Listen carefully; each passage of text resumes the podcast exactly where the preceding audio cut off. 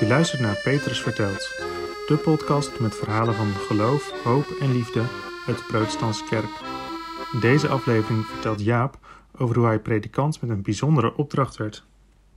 Als ik kijk naar ehm, hoe uh, vrienden van mij leven en hoe ik zelf ook wel leef, dan lijkt het wel eens alsof ons leven een uh, project is. Een project dat je kunt plannen. Van wat voor sport ga je uitkiezen en waarom ga jij op die sport?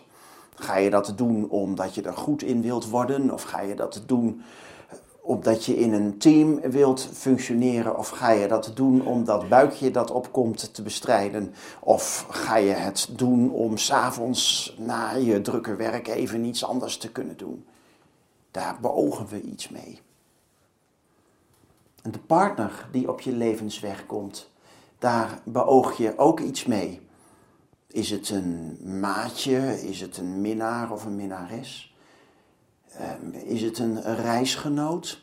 Is het de vader of de moeder van je kinderen? Is het je vertrouwenspersoon?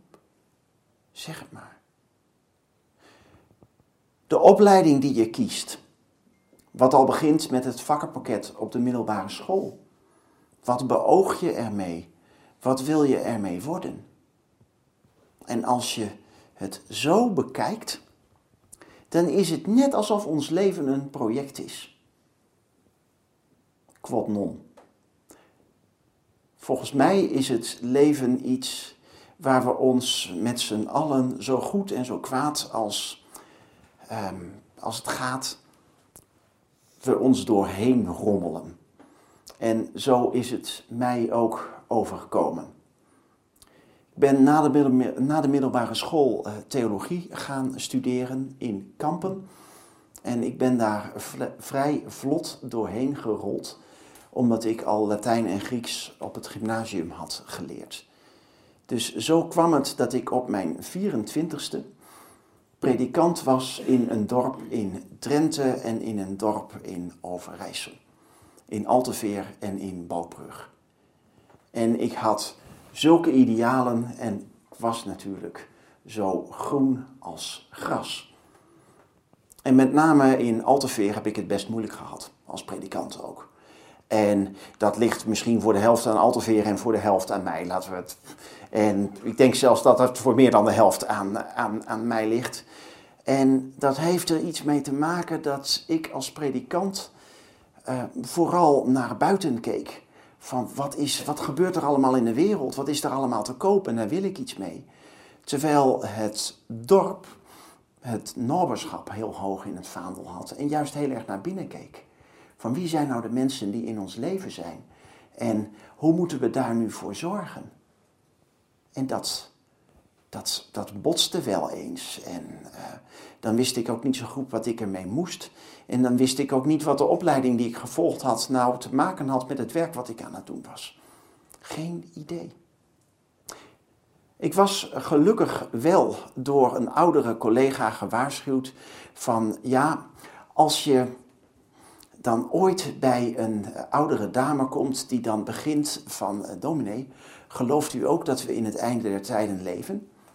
Dan moet je zeggen van ja, uh, daar wil ik best met u over praten, maar dan gaan we eerst eens kijken wat u allemaal in de voorraadkast heeft, heeft staan. En toen we in de voorraadkast gingen kijken, bleek dat het met het geloof in het einde der tijden wel wat mee bleek te vallen. Want daar was toiletpapier en schoonmaakmiddel en koekjes tot in Sint-Juttemis in het rond. Of het bezoekje bij het oudere echtpaar. Ik had net een hele mooie doopdienst gehad. En um, het was een doopdienst waarin ik voor het eerst de beamer had gebruikt met mooie plaatjes. En ik had het verhaal verteld van Max Lucado met uh, God als de timmerman, zeg maar. En het plakken van de stickers. Kent u dat verhaal? Nou, ik zal het nou niet vertellen, want dan duurt het allemaal veel te lang. Maar ik had dat verhaal verteld en ik kreeg vervolgens bij die oudere mensen de wind van voren. Hoe ik het had gedurfd om in de kerk een sprookje te vertellen nu, vandaag de dag, had ik het gesprek beëindigd en gezegd van u betreedt zich nu in ruimte waar u niet mag komen. U pakt iets van me af wat me dierbaar is. Dat mag niet. Maar toen was ik hevig ondaan en onervaren en wist ik niet zo goed wat ik ermee aan moest. En dus zit je toch met de ene oude vrouw openbaring te lezen. En zit je bij de andere je excuses aan te bieden dat je zoiets gedaan hebt. En ben je er toch ingestonken. Later werd ik samen met mijn vrouw Desiree gevraagd om predikant te worden in Stiens. Voor jeugd en jonge gezinnen. Met een opdracht om veel werk te maken van vernieuwing.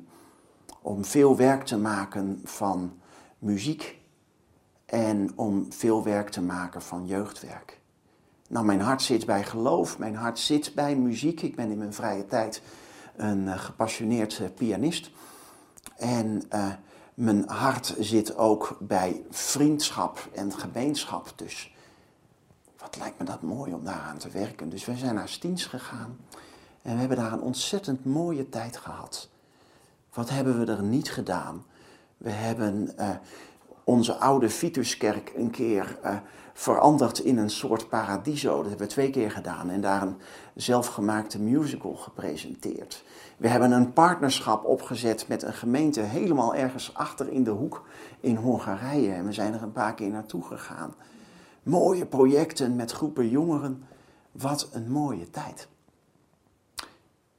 Totdat mijn vrouw in 2015 in 2016 zei van nou, het, het begint me te, te kriebelen en ik heb het gemeentepredikantschap eigenlijk wel gezien.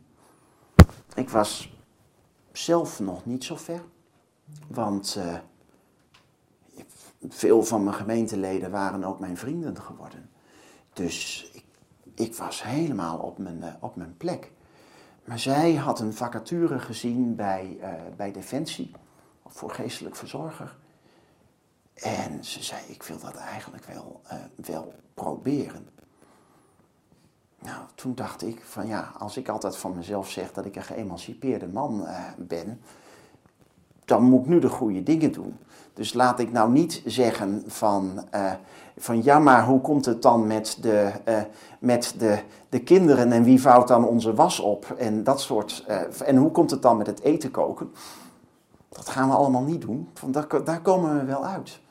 En zo is het gekomen dat uh, zij voor Defensie is gaan werken en inmiddels ook een keer uitgezonden is geweest naar de West. En dan mag je het gezin dus alleen gaan draaien. En toen de kinderen kleiner waren, was het gemeentepredikantschap in Stiens echt een fantastische job. Want uh, het is een hele dynamische gemeente, veel jonge mensen, dus uh, het hoogtepunt van de dag zit op de avonden. Je bent vier, vijf avonden per week op stap. En dat kon ook omdat je de kinderen om uh, zeven uur, half acht avonds in bed knalt en dan kun jij naar je vergadering gaan. En vervolgens is het halve dorp uh, op wereldreis en op studie gegaan en op wat dan ook van uh, onze oppascenten, zeg maar. Wat ik ze van harte gun overigens. Maar dan zit je vrouw dus in uh, Den Helder of um, voor de opleiding in Breda. En dan praat je eens over een maand of eens over tien weken. En toen ging het, of vele op de avond werken, ging mij zwaar vallen. En ik trok dat wel gewoon uit energie en uit, uh, en uit reserve. Totdat uh, mijn dochter een keer tegen mij zei op een avond: Papa, moet je nou alweer weg? Mijn antwoord was: Ja, ik moet alweer weg. En ik ben naar mijn kerkenraadsvergadering uh, toegereden. En ik ben daar wel begonnen maar ik ben ook weer naar huis gegaan. Ik dacht, dit, dit, dit voelt niet goed. Ik ben op de verkeerde plek bezig op dit moment. En toen ergens ontstond wel het gevoel, dat zal 2016, 2017 zijn geweest, van ja, ik, ik moet eigenlijk wat anders. Maar ik moet misschien niet gaan kijken naar het gemeentepredikantschap. Want dan ga ik misschien weer hetzelfde doen. En dan heb ik weer een dochter die zegt van papa, moet je nou alweer weg? Want die dochter die heeft natuurlijk volkomen gelijk. Nou ben je ook altijd predikant in je eigen context. En het mooie van de context in Stiens is dat het een dorp is van ongeveer 9000 inwoners. 250 daarvan zijn op de een of andere manier cliënt bij Talant. En Talant is een uh, vrij grote instelling in Friesland voor mensen met een verstandelijke beperking. Betekent, als je dat even statistisch bekijkt, dat 1 op de 50 inwoners van Stiens een verstandelijke beperking heeft. Dat is fors. En dat betekent dat um, die gemeenschap van mensen met een verstandelijke beperking ook heel veel invloed heeft op het straatbeeld in Stiens. En ze ondernemen ook van alles. Uh, ze halen soms uh, vuil op, uh, soms halen ze het glas op. Soms is er een een of ander project waarin de instelling zich opent voor het dorp. En als kerk deden we veel te weinig voor de instelling. En ik vond toen nog als predikant van Stiens van ja, daar moeten kerkdiensten komen op dat terrein in, uh, in. Maar ik wist niet zo goed hoe ik dat moest. En ik kende de geestelijk verzorger van Talant oppervlakkig. Dus uh, ik bel haar op en ik zeg van nou, misschien kunnen we eens praten en kunnen we wat voor elkaar betekenen. En zo is van het een het ander gekomen en hebben we het plan geschreven voor vieringen voor mensen met een verstandelijke beperking bij Talant. Ja, en daar gaat eigenlijk mijn verhaal een beetje naartoe. We zouden die eerste viering gaan houden. En ik vond het echt dood en dood en doodeng. Want mensen met een verstandelijke beperking zijn wel eens een beetje voorspelbaar. En had je me, of een beetje voorspelbaar, een beetje onvoorspelbaar. En had je me vijf jaar geleden uh, verteld wie zet jij bovenaan de lijst van de mensen die het meest ongeschikt zijn om dit werk te doen, dan had ik mijzelf bovenaan gezet. Maar ja, toen zou die eerste viering er dus aankomen en ik had het met die collega, ik zal haar naam ook even noemen, uh, Dieke de Vries. Ik had het heel goed afgesproken wat zij zou doen en wat ik zou doen. En dat hadden we zo afgesproken dat zij zoveel mogelijk zou doen en dat ik zo weinig mogelijk zou doen. Ik dacht van nou, dat heb je goed geregeld, Jaap, overeen. Totdat, drie minuten voor de viering, Dieke tegen mij zegt van nou, ik ga daar op die stoel zitten. Ik ben er wel bij en ik zorg er wel voor dat er niks uit de hand loopt. En jij gaat dat maar doen. Wat? Jij gaat het maar doen? Dat geloof je niet, maar dat, dat kan ik helemaal niet. Oh ja hoor, dat kun jij best. En dus ben ik het gaan doen. Op mijn manier, een beetje onhandig, een beetje onbeholpen. En ik vond het toch leuk. En toen gebeurde er daarna iets wat heel vervelend was. Want Dieke werd ziek. En ze kreeg een burn-out. En toen hadden we net die vieringen opgezet. Ik dacht van ja nou, ja, nou moet ik het maar doen, denk ik. Want anders dan gaat het weer stuk en dat is zonde. Dus we hebben die vieringen vanuit de kerk overgenomen, zeg maar. En we zijn het gaan doen. En ik vond het elke keer doodspannend. Maar ik betrapte mezelf er steeds meer op hoe leuk ik het eigenlijk vond. En hoe hoe ik me verheugde, zeg maar, op die uh, vieringen daar bij Talant. Dat vond ik echt schitterend. Ik betrapte mezelf op uitspraken als, uh, later als ik groot ben, dan ga ik misschien dit werk wel eens doen. En toen kwam er vorig jaar van het zomer, de zomer van 2018, een vacature voor geestelijk verzorger bij Talent. 32 uur in de week, een dag minder dan wat ik nu, uh, of wat ik daarvoor deed. Ik dacht, ik, uh, ik moet dat maar uh, worden, want ik had inmiddels ook een, een, een, een visie ontwikkeld op die, op die vieringen. En die visie, daar sta ik nog steeds achter. Nou, ik ga er toch even iets over zeggen. Um, die visie op die vieringen is dat, um, is dat God van je houdt. En voor een gewone kerkdienst is dat veel te plat en veel te eendimensionaal.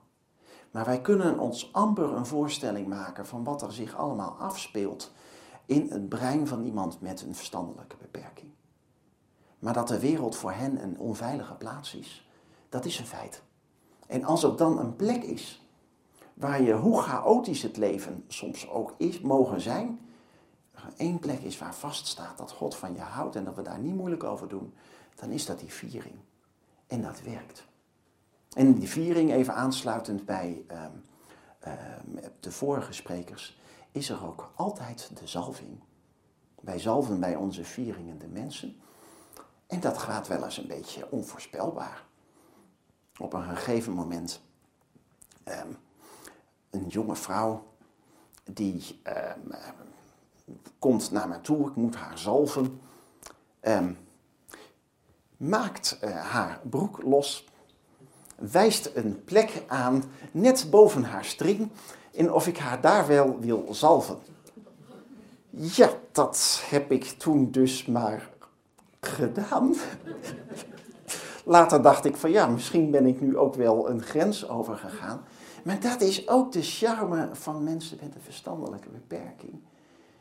Dan overkomt je ook gewoon veel meer. En wij moeten vanuit onze gewone wereld veel minder normatief zijn.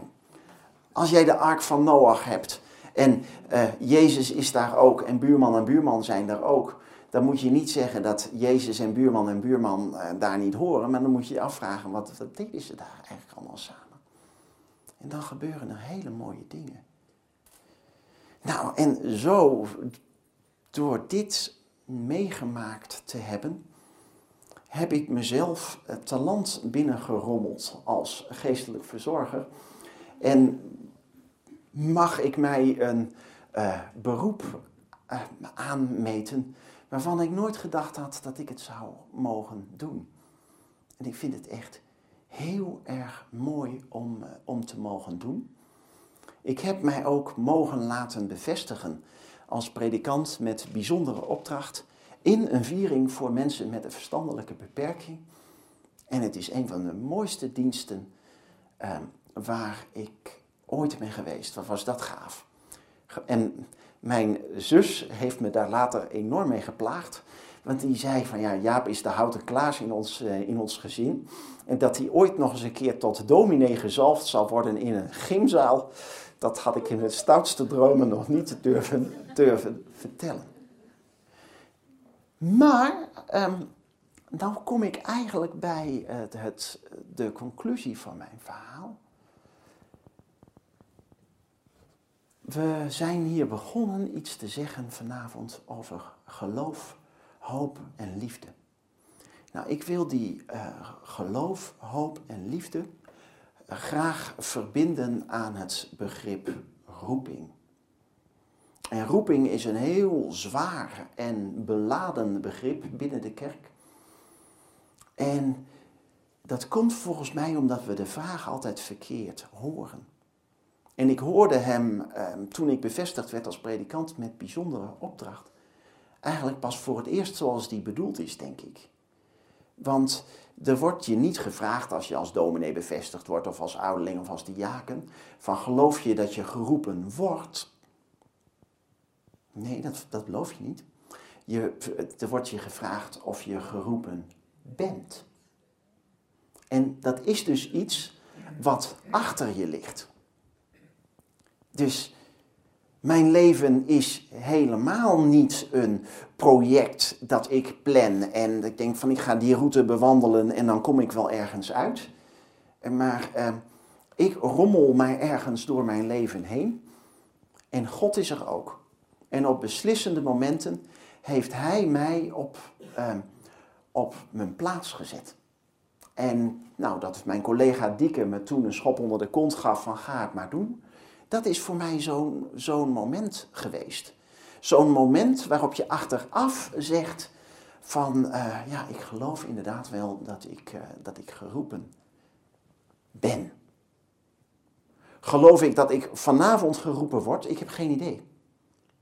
Maar achteraf kun je dat veel beter zeggen. Dus als je het begrip geloof, hoop en liefde met roeping wilt verbinden, dan moet je dus niet naar voren kijken, is mijn conclusie, maar juist naar achteren, naar het verleden toe.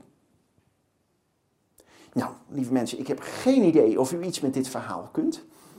Maar ik vind het in ieder geval wel heel erg leuk om het met u te mogen delen. En dank u wel voor de gelegenheid daarvoor.